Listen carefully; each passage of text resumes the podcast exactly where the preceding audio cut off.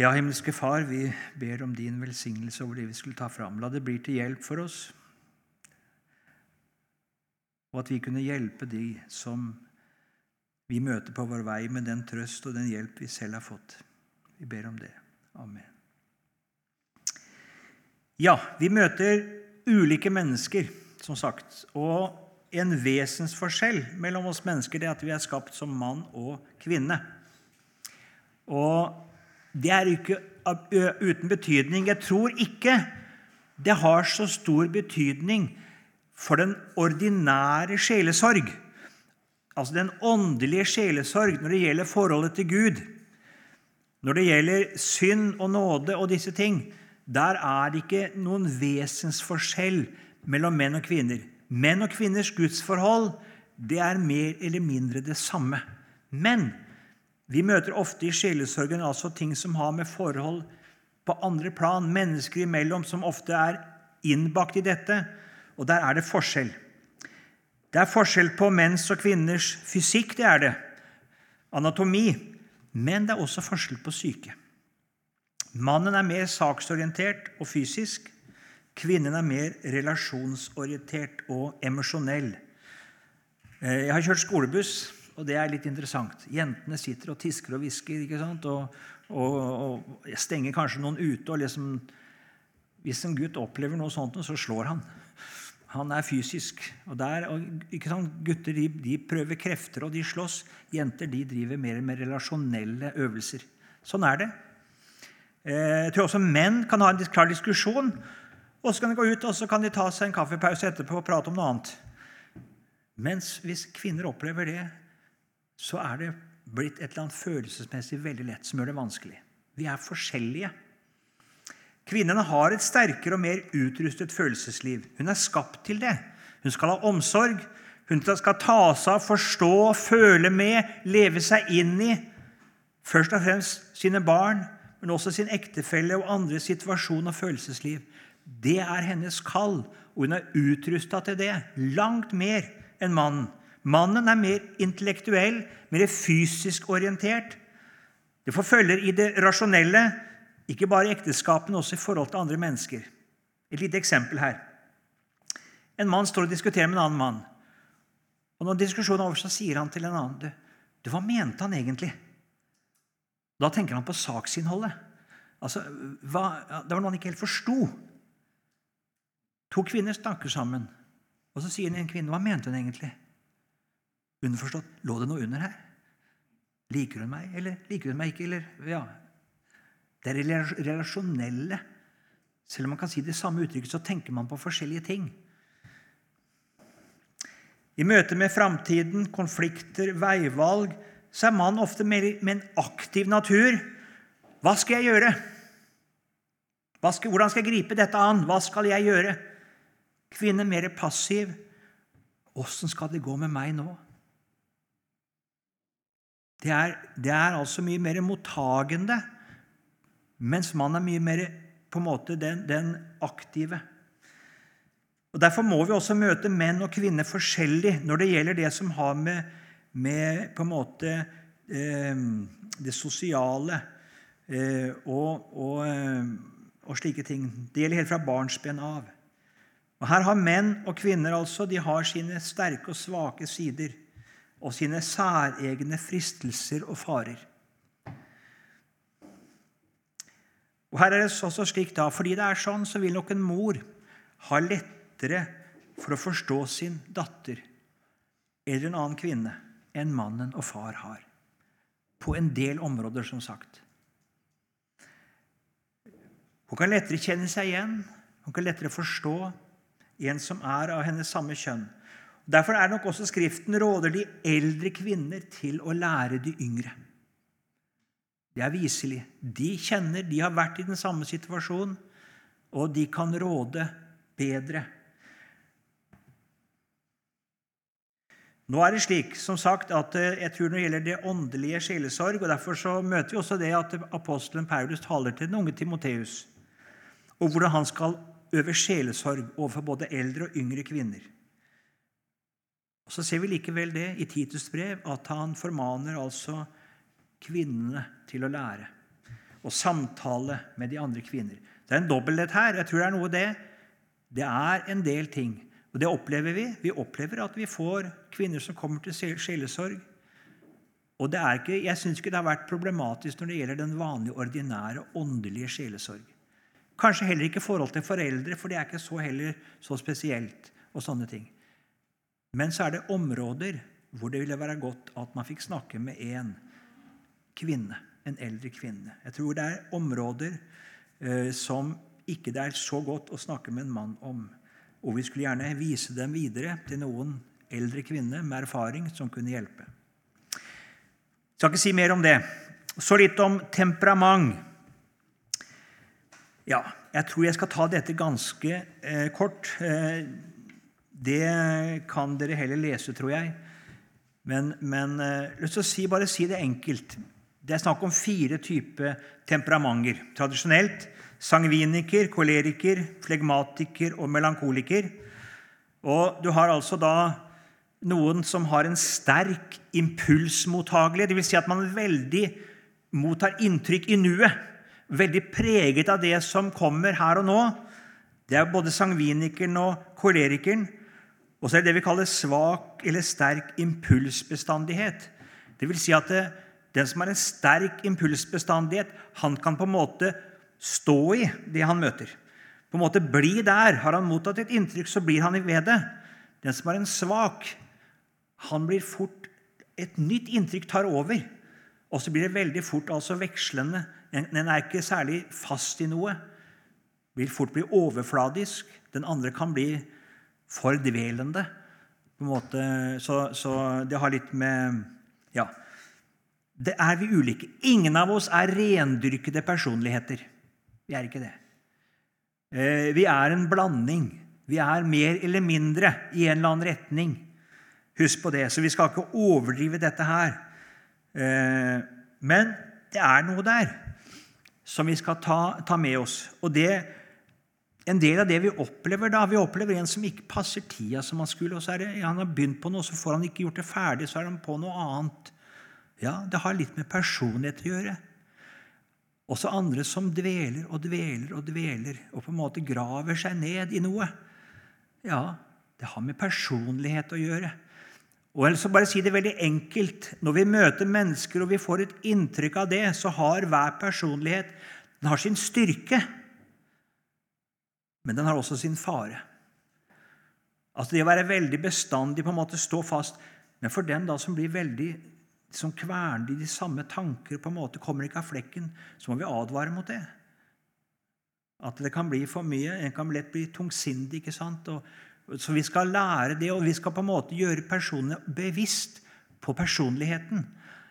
Og kan råde dem kanskje til hva de skal arbeide med, hva de skal gå inn i, som ikke blir en fare for dem men som kan bli dem altså et sted de kan, de, de kan utrette noe godt. Den som har på en måte en veldig impulsmottagelighet, vil jo ha en veldig utgangspunktet en, en evne til å på en måte eh, En sterk impulsbandighet på en måte til å engasjere seg i andre. ikke sant? En, en tar inntrykk. Eh, altså impulsmottagelighet. Og, og eh, ja, Jeg skal ikke gå inn på det noe mer. Jeg har også skrevet litt om, om syke, skadede personligheter knytta til oppvekst, barndom. Eh, jeg tror ikke vi skal overdrive det jeg har skrevet der. Og jeg har prøvd å understreke det at eh, da er det snakk om alvorlig, alvorlig svikt i hjemmet. Men jeg har latt det stå for å vise hvor alvorlig det er, hvor viktig det er at et barn har en stabil og god oppvekst. Og jeg har møtt en del mennesker opp gjennom livet som ikke har opplevd det.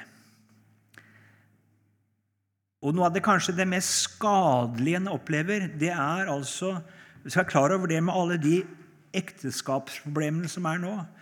Så er det fort å bli slik at hvis mor, da, hvis det er en fraværende far, også, og mor føler seg ensom, overlatt, så vil det ofte søke den nærhet og relasjon til barnet som man skulle hatt til mannen. Det er verken godt for kvinnen og aller minst godt for barna. Barna skal ikke erstatte far. Å bli mors samtalepartner og kanskje også rent fysiske den har kontakt med, det blir noe usunt, og det skader barnet. Det kan skade slik altså at det får en usunn, klarer ikke å forholde seg til andre mennesker. Det får noe sånn usunt i hele sin personlighet. Et voldsomt behov for på en måte en nærhet og en intimitet som ikke er sunn. Og hvis i tillegg da er noe ødelagt i selve kjønnsidentiteten eller noe sånt noe hos foreldrene, så kan det jo bli aldeles galt. altså. Jeg tror mye av det vi opplever nå innenfor den kjønnsforvirring som er, skyldes dette. Tror det. Mye usunne relasjoner mellom foreldre, både mor og far og barn. Og skilsmissene, kampen om kontakten med barna og på mange, En del foreldre også, de har barn mer for sin egen del. Og Tenk det også å være et barn som på en måte er til for mors skyld, eller for fars skyld, for den saks skyld. også, men et substitutt. Det blir ikke sunt. Det er det jeg tar opp litt her. sånn. Det er som sagt, det er mye svikt i våre hjem, også i, i ulike familier. Men ikke tenk at sånn blir barnet fordi altså eh, at uh, det er snakk om litt skjevheter her. Barn har stor toleransegrense. Men alvorlige svikt her, så kan vi få slike resultat. Ja, Jeg skal ikke gå inn mer på det heller. Jeg hopper forbi det. Og så går vi over til det som vi har kalt sinn, som må åpnes. Og bruke heldig tid på det. Altså Skal vi som sjelesørgere kunne være til hjelp, så er det avgjørende viktig at vi når inn til de som søker hjelp. Det hjelper ikke med alle mine gode råd og riktige meninger dersom jeg ikke når inn til den som skal hjelpes. Jf. det store, lange sitatet av Kirkegård. altså. Det er så sant. Det er grunnleggende viktig at den som søker hjelp, opplever å bli hørt. At sjelesørgeren viser respekt, medfølelse, engasjement og forståelse.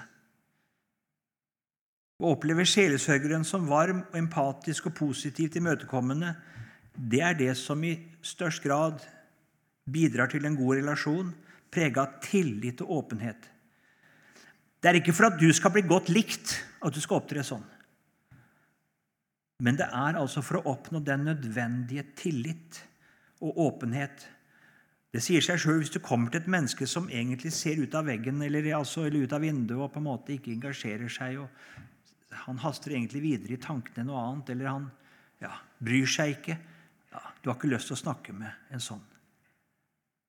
En som kanskje kommer ned og setter seg ved deg først og begynner å spørre hva du holder på med, og hvem du er, og hva du interesserer deg for, og, og, og engasjerer seg, bryr seg. Ja, det inviterer. Og Har du da noe på hjertet, så vil du ja, det er, du vil, det er noe du gjerne vil snakke om, ikke sant? og så inviterer det til å åpne seg, til å fortelle. Og det skal vi tenke på. Det går nok en del mennesker rundt som gjerne skulle det, men de venter på den, rett og slett. Som skal sette seg ned og vise den interesse. Det er ikke alle som har frimodighet til å banke på ei kontordør eller ta tak i deg og så si at du, kan jeg få en samtale. Så det å sette seg ned, spørre, engasjere seg Og vi skulle gjort så mye mer. Vie tid og interesse. Det gjelder i all menneskelig samvær.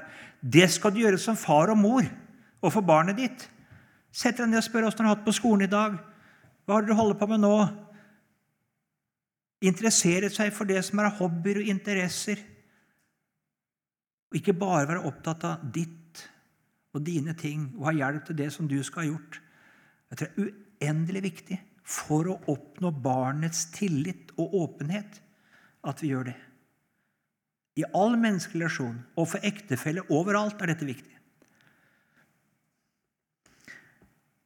Det som mer enn noe annet altså lukker en samtale, er også det at vi altfor tidlig kommer med vår vurdering med vår dom. Eller så Si det også i forhold til barna. ikke sant? Barna forteller noe. Ja, men det må du da ikke finne. må ikke være med. ikke sant? Vi kommer der. Nei, det der. Og så bryter vi av før barna har fått fortelle og komme med sitt. I stedet for å se livet og saken fra den synsvinkel som kommer til oss, så søker vi å på en måte tvinge vår forståelse og våre svar ned over hodet på den vi snakker med. Ja, da går den andre i skyttergraven.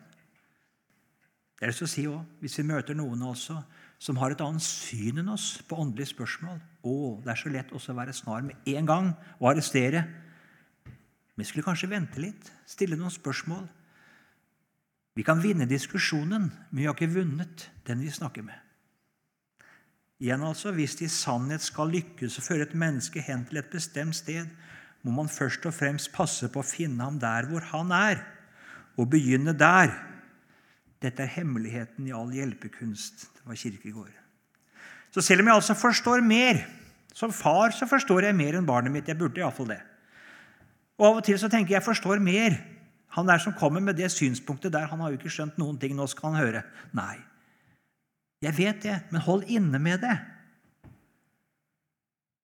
La den som kommer, få lov til å snakke. Hjelp han til å selv å komme til innsikt. Hjelp barnet ditt til selv å komme til innsikt, slik at det Å, det har jeg ikke tenkt på. Noen spørsmål med noen, noen andre innfallsvinkler, slik at det på en måte kan få hjelp til å resonnere, hjelp til å vurdere. Og så opplever du sjøl at nå har du fått se noe nytt. Nå har du fått forstått noe. Det er noe jeg selv har kommet fram til. Far og mor, sjelesørgeren, var kanskje den som hjalp meg, med men jeg, nå skjønner jeg det. Nå forstår jeg. Altså Gode spørsmål kan åpne for selvrefleksjon. Og så kan jeg lede den andre ut fra det som er skjevt og forvridd. Men la det ta den tid som er nødvendig, altså.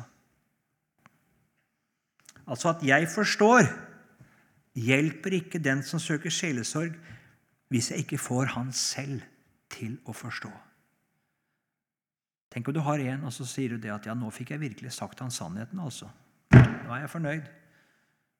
Så går han ut sint. Jeg fikk sagt han sannheten, men jeg har ikke hjulpet han. Jeg har ikke det. Kanskje blir det resultatet uansett at han går ut sint. Men iallfall det er en mulighet hvis jeg tar noe tid til å samtale og lar han få å stille spørsmål, at samtalen kan få en annen utgang.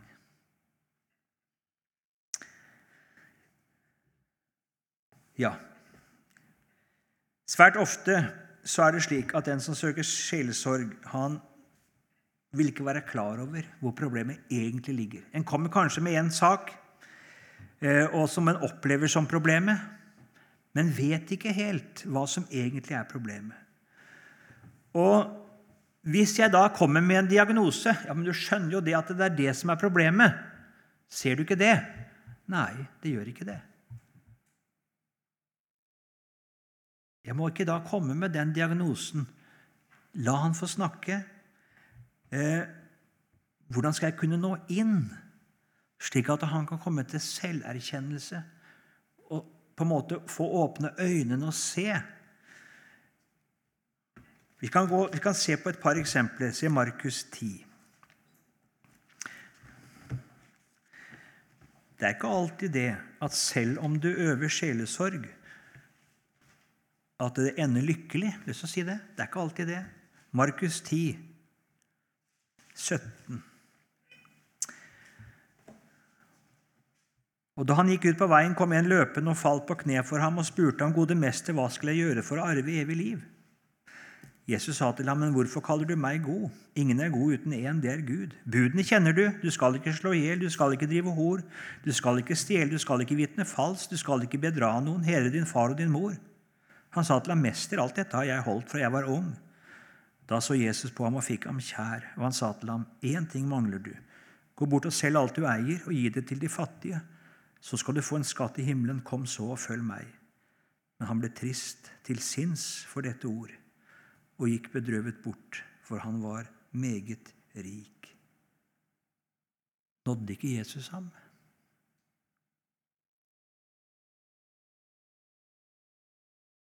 Selv om du når et menneske, og selv om bare erkjennelsen er den 'Dette kan jeg ikke gå inn på',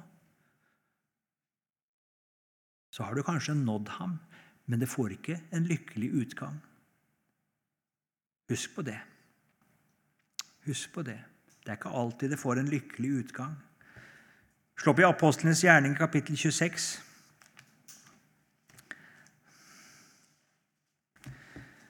Vers 26. Paulus så for kong Agrippa og Festus. Kongen kjenner til disse ting, og til han taler jeg også frimodig, for jeg kan ikke tro at noe av dette er ukjent for ham. Det er jo ikke skjedd i en avkrok. Kong Agrippa, tror du profetene? Jeg vet at du tror. Men Agrippa sa til Paulus, det mangler lite på at du overtaler meg til å bli en kristen. Paulus sa da, jeg ville ønske til Gud, enten det mangler lite eller mye, at ikke bare du, men også alle som hører meg i dag, måtte bli slik som jeg, med unntak av disse lenkene. Det ser ikke ut til at Agrippa tok imot evangeliet. Ble han nådd? Ja. På den måten han kunne nås. Vi kan ikke gå inn i den andres liv og på en måte Ja, vi kan lede dem. Vi kan vise dem. Men vi vil oppleve mange ganger i sjelesorgen at de går bedrøvet ut. De fikk ikke det svaret de ville ha. Det kosta for mye å bli en kristen. Det kan være så mange hensyn. Så det er ikke sånn at vi på en måte kan prøve det om vi når inn alltid, på at det ender godt. Husk på det. Husk på det. Av og til så møter vi mennesker som kommer til oss med synd og svikt som de ikke vil erkjenne. Nå har vi et ansvar når vi møter et menneske. Jeg tenker særlig en kristne forsamling. Det er ikke bare de som kommer til oss, men vi, vi har noen i forsamlingen. Og de lever i synd. Hvordan skal vi få det i tale? Vi skjønner her at dette her, her er det ikke så enkelt. Her vil de ikke bøye seg. Da kan det være vist å gå indirekte fram. Det har vi eksempler på i Skriften. Altså Det er så vesentlig at den som lever i synd, for at han skal komme til en sann omvendelse, at han ikke bare blir fortalt, og sammen til et barn Å, men jeg kan få sagt det til foreldre. Ikke bare ta guttungen altså at 'Å, hvorfor gjorde du det?' og så rist han. Nei, men kanskje spør 'Hvorfor gjorde du det?' Altså få de til å komme til å prøve å sette ord på det. Komme til selverkjennelse, til sannhetserkjennelse. Tenk på Gud, hvordan han møtte Adam. Han hadde tatt av treet ikke sant, som han ble forbudt å ta av. Hva sier Gud? Hvor er du? Adam har gjemt seg. Han er kanskje ikke seg bevisst at nå gjemmer jeg meg for Gud. Jeg som levde åpent for Gud. Nå gjemmer jeg meg. Hvor er du? Han vil ha Adam til å tenke over hvorfor opptrer jeg sånn som jeg gjør nå. Sånn har jeg ikke opptredd før. Kain, hvorfor stirrer du ned for deg, Kain? Hvorfor er du så olm i blikket? Hvorfor stirrer du ned? Er det ikke sånn at hvis du er godt i sinne, så kan du se rett fram, ikke sant? Se mennesker i øynene. Hvorfor sier Gud det? Han vil ha Adam og Kain til å reflektere over sitt egen hjertetilstand. Skape selverkjennelse, selvinnsikt. Og så vil han av deres egen munn høre det. 'Å, Gud, jeg har gjort det du sa jeg ikke skulle gjøre.' Det kommer ikke. Sånn sett så når han ikke, for de kommer jo ikke med det. De unnskylder og bortforklarer. Og likevel så er det sånn Gud griper inn. Når Gud sender Natan til David, så er det ikke slik at Natan tar David 'David, hva er det du har gjort?' 'Har du falt i synd med Batseba?' 'Det går ikke an.'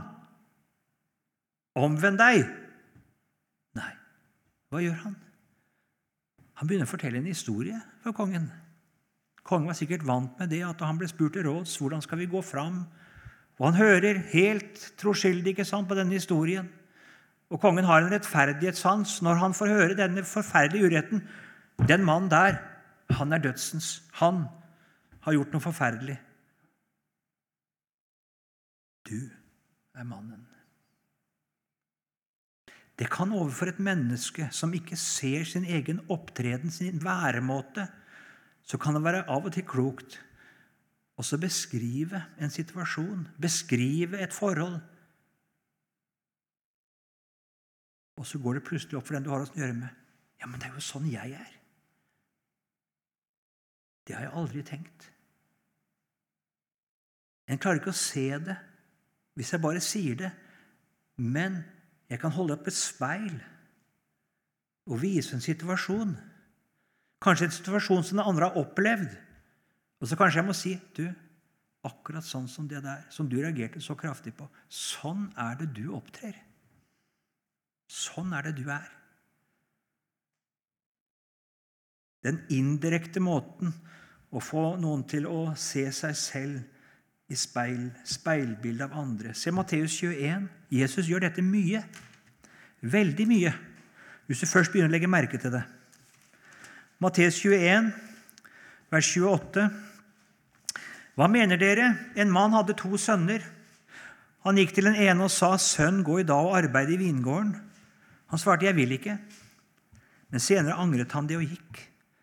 Faren gikk da gikk til den andre og sa det samme. Den svarte, 'Ja, herre.' Men han gikk ikke. Hvem av disse to gjorde nå farens vilje? De svarer, 'Den første.' Jesus sier til dem, 'Sannelig sier jeg dere, tollere og skjøger går før dere.' inn i Guds rike. Tollerne og skjøgene de sa nei til Guds bud. De levde i strid med dem. Men så kom de til omvendelse. Fariseerne skrev til seg ja, vi skal holde Guds bud. Men så var de stort sett ferdig. De hadde de rette meningene, men å gjøre det, der sviktet det.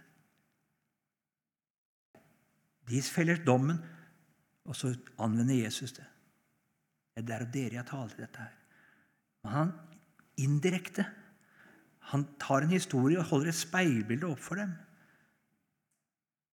Det er en måte å gripe det an på når mennesker ikke vil, ikke, ikke klarer å se sin synd. Den rike unge mannen altså, han hadde jo ingen erkjennelse av at han var en synder. Han mente virkelig det, at han hadde holdt alle budene. Og så går Jesus konkret til verks. Også det. Vi møter et menneske det er vel Høg som forteller om det. Et menneske som sa å, det var så stor en synder. Det var så grusomt. Ja, spør sjelesorgeren. Hva er det? Hva er det du har gjort? Kom ingenting. Det var en så stor synder. Og så måtte han altså på et konkret, konkret eksempel Jeg husker ikke akkurat hva det var nå. Og så fikk han hull på byllen. Og Sånn er det Jesus gjør med den rike unge mann. Har ingen erkjennelse. Og så prøver han på det første bud. Hvis du elsker Gud over alle ting, ja, selv alt det du eier, kan du komme og følge meg. Kan du få en skatt i himmelen. Og så sviktet det på det første bud. Vi kan se det. Pengekjærheten hindret han. Han elsket det mer enn Gud.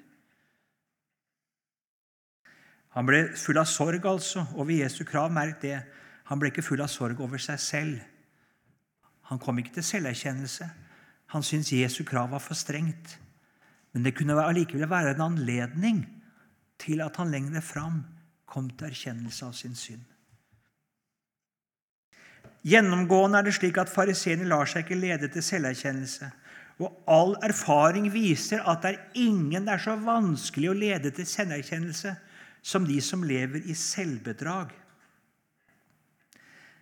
Jeg sier si det. Det er vanskelig. Fryktelig vanskelig.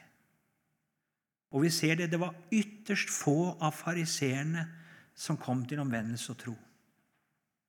De har så mye å tape i anerkjennelse. De er ansett for å være så gode. Og da å bøye seg og bli som en av de andre syndere, det er så umulig. Det er så vanskelig. Det er lettere for den som er ydmyk. Og Vi kan møte mennesker som lever i selvbedrag og allikevel har en viss ydmykhet. Nikodemus er en slik. Det er kanskje ingen som får høre så sterke ord som han. Han var en lærer i Israel. Han var en av de høye råd, en skriftlærd fariseer som nøt enorm anerkjennelse. Og så sier Jesus du har ikke engang begynt å leve med Gud.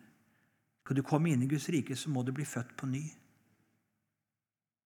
Du har ikke begynt engang. Og du som er en lærer i Israel, du vet ikke dette. Det skulle virkelig mye til å bøye seg. Men Nikodemus gjør det. Vi kan tale ganske rett ut til et menneske som har en viss ydmykhet. De kan være i stand til å bære det. Jeg måtte gjøre det, jeg har hatt til å gjøre det av og til med mennesker som jeg har opplevd de har et hjertelig ønske om å få høre. Og så kan jeg si rett ut, og så går det godt. Og så opplever du faktisk det når du snakker rett ut sånn, at tilliten øker. Det er slik at De, de blir ikke verken sinte eller forarget, men de er takknemlige for at det ble sagt så rett ut. Men det er ikke alle. Og Jesus taler ikke sånn til alle. Merk det. Han gjør ikke det. Det er noe med menneskekjennskap her. å se, Skjønner du at denne vil gjerne? Den forstår at noe er galt. Det gjorde Nikodemus. Han hadde en uro. Da kan Jesus sette fingeren rett på. Men ofte så går han altså indirekte til verks. For Erkjennelsen er ikke der. Den tror at alt er vel, og er overhodet Er vi blinde? Ikke sant? Det kjenner jeg fra Johannes 9. Nei, du kan vel ikke mene at vi er blinde? Umulig å ta til seg. Som sagt, Der ydmykheten mangler også, så må en av og til gå direkte til verks. Om ikke først, så til sist. Det betyr ikke at en oppnår selverkjennelse. Kan slå opp i Johannes 6. Der kommer det mennesker altså til Jesus, og de er altså positive. Og Jesus sier ganske tydelig til dem altså Dere søker meg ikke fordi dere så tegn, men fordi dere spiste av brødene og ble mette. Og han går sterkere og sterkere til dem, altså. går imot dem veldig tydelig. Av og til så må vi det. Av og til så må vi det. Det ender jo ikke godt, dette her. Kapittel 8. Enda skarpere er det der. Det ender opp det med det at de tar opp steiner for å steine han. Dere er djevelen til far, sier han. Ja. Det ender jo ikke godt. Det gjør ikke det. Det betyr ikke at sjelesorgen ikke har nådd sitt mål. Jeg har lyst til å si det. Det er noe av forkynnelsens vesen og sjelesorgens vesen. Jeg har ikke skrevet det i manuskriptet, jeg har lyst til å si det. Gud, jeg takker deg at du har åpenbart dette for de umyndige. Skjult det for de vise og forstandige, men åpenbart det for de umyndige. Det er noe av Guds ords vesen, at det kliner øyne og ører til for noen. Hvor en sjelesørgelig samtale som, hvor de får høre det de trenger for å bli frelst, allikevel ikke blir til frelse, men blir dem til dom. Sånn er det med forkynnelsen. Jesaja som fikk det herlige budskapet å forkynne. Kan lese de første kapitlene der. Og så sier Gud at du skal kline øyne og ører til. Om Immanuels tegn, ikke sant? om frelsen som skal komme. Jomfru som skal bli med barn. Det er budskapet. Men det blir det som kliner øyne og øre til. Husk det. Husk det. Ikke tenk det at sjelesorgen er totalt mislykket. Ja. Helt til slutt Av og til så møter vi mennesker i sjelesorg som er psykisk syke. Jeg skal komme litt tilbake også til det seinere, men ikke mye. Eh, det er også vanskelig.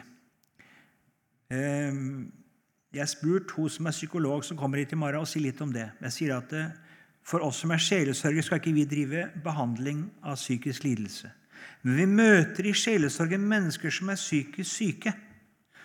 Og Jeg har sagt til henne at du må si litt til oss hvilke verktøy kan vi bruke for å få den andre til å innse at den er syk. For de opplever det som er på en måte, det kan være vår oppgave. Du får ikke den. Altså En som ikke er, kjenner seg syk, går ikke til lege. Og så er det slik at du har sykdommer som ikke du ser. Altså Kanskje noen som har en viss erfaring, ser det likevel. Den der, der, jeg ser det noe på øynene, jeg ser det noe på fargen jeg ser, Der er det. Den må til lege. Og Kan en da få hjelpe den andre til å forstå det, så går han til lege og sier at han har kreft, eller der er det sånn, eller der er det sånn. Og Vi har noe sånn når vi møter mennesker, så av og til så skjønner vi her er det ikke faktisk en dårlig samvittighet, men det er en syk samvittighet. Her er det fakta ikke åndelig mørke, men det er en dyp depresjon.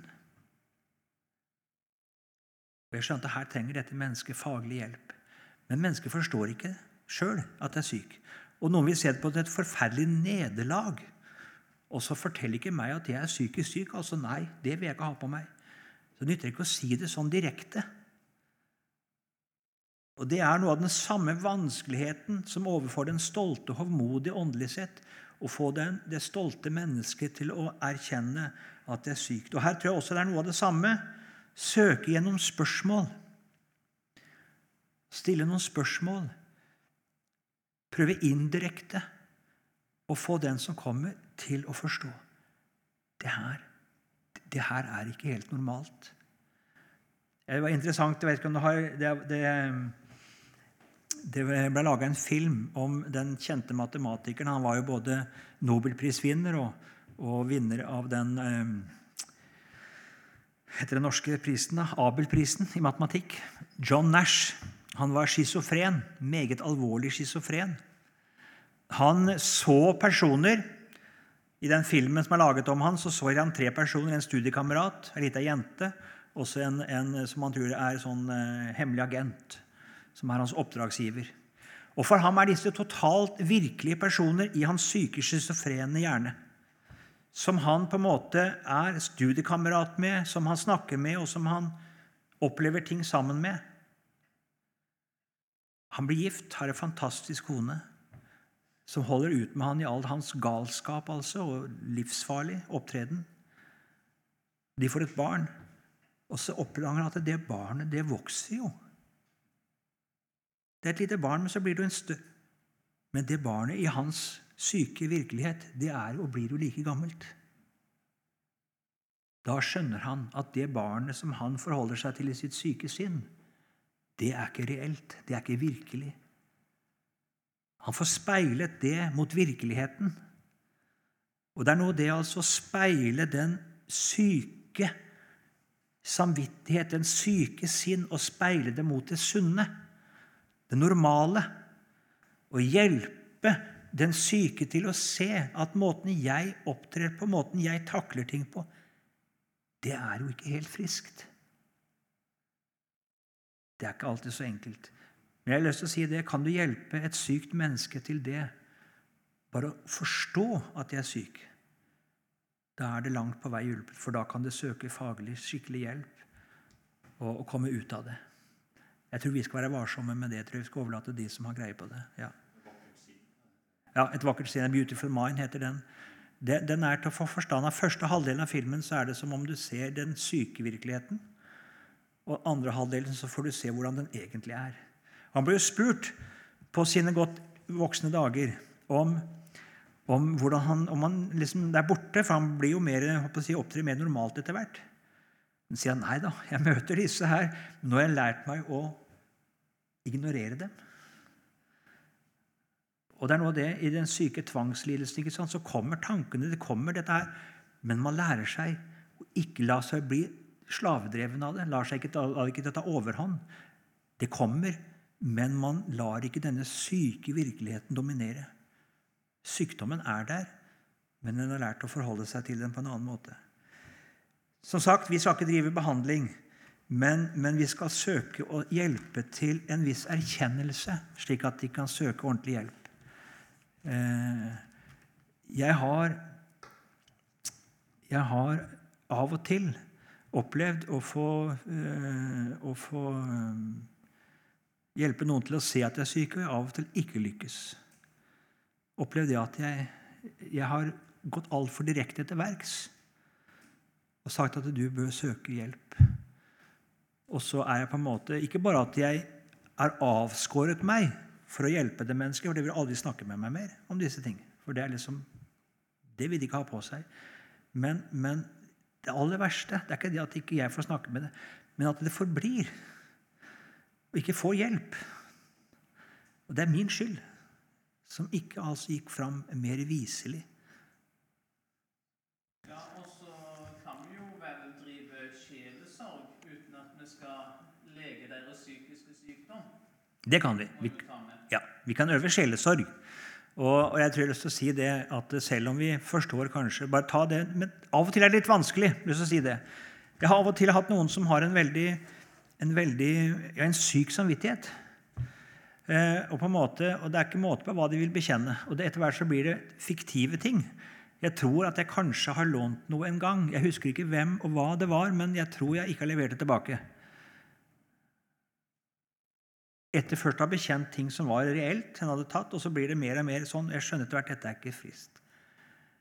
Eh, skal jeg da hjelpe den til å tro syndenes forlatelse? Når er malte, fiktive synder? Nei. Da skal jeg hjelpe denne til å ignorere disse syke tankene. Og dette er veldig vanskelig. Det er veldig vanskelig for en som har et sånt sykt sinn. For han, jo, han, han vil jo nestopp, altså han vil gjerne ta disse tankene på alvor. Og for at Hvis jeg ikke tar det på alvor, så har jeg ikke et åpent, rett gudsforhold. Så han vil ha et ustanselig behov for å snakke om dette. Og jeg mater det syke sinn ved å ta det på alvor. Jo mer sjelesorg jeg øver, jo verre blir han. Forstår dere? Også er medisinen når det er et sykt sinn. For det sitter altså her sitter det mellom Jeg har møtt mennesker altså, de er overbevist om at de kommer til å ta livet av noen.